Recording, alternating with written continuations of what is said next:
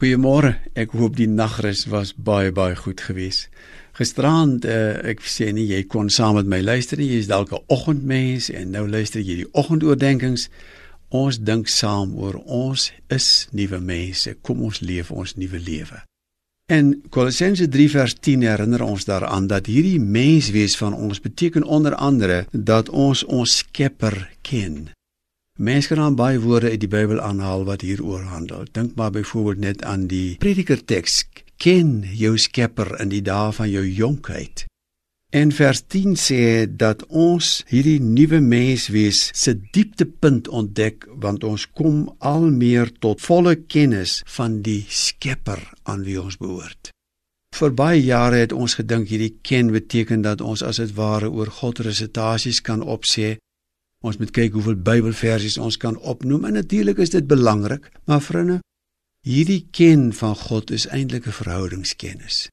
En die vraag op hierdie derde dag van Januarie is: Leef ek en jy in 'n verhouding met God? Ken ons hom? Die Ou Testamentiese woord vir ken is altyd 'n verhoudingswoord. Natuurlik weet jy dan ook jy het ook feite oor, maar dit lê dieper as net om 'n klompie feite oor God te kan opnoem.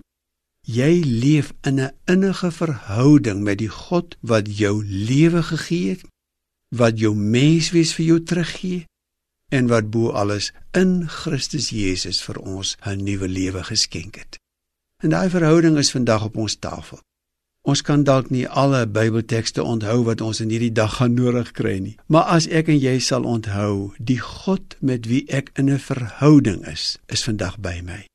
En dit beteken dat ek dan as dit ware in hierdie samelewing van ons, wat ook al vandag op jou tafel lê, sy beeld dra. Ons is sy verteenwoordigers hier op aarde. Dit is amper asof die Here gesê het, ons is die mense wat namens hom optree op hierdie aarde. Kom ons lewe vandag soos mense wat ons Skepper ken. Amen.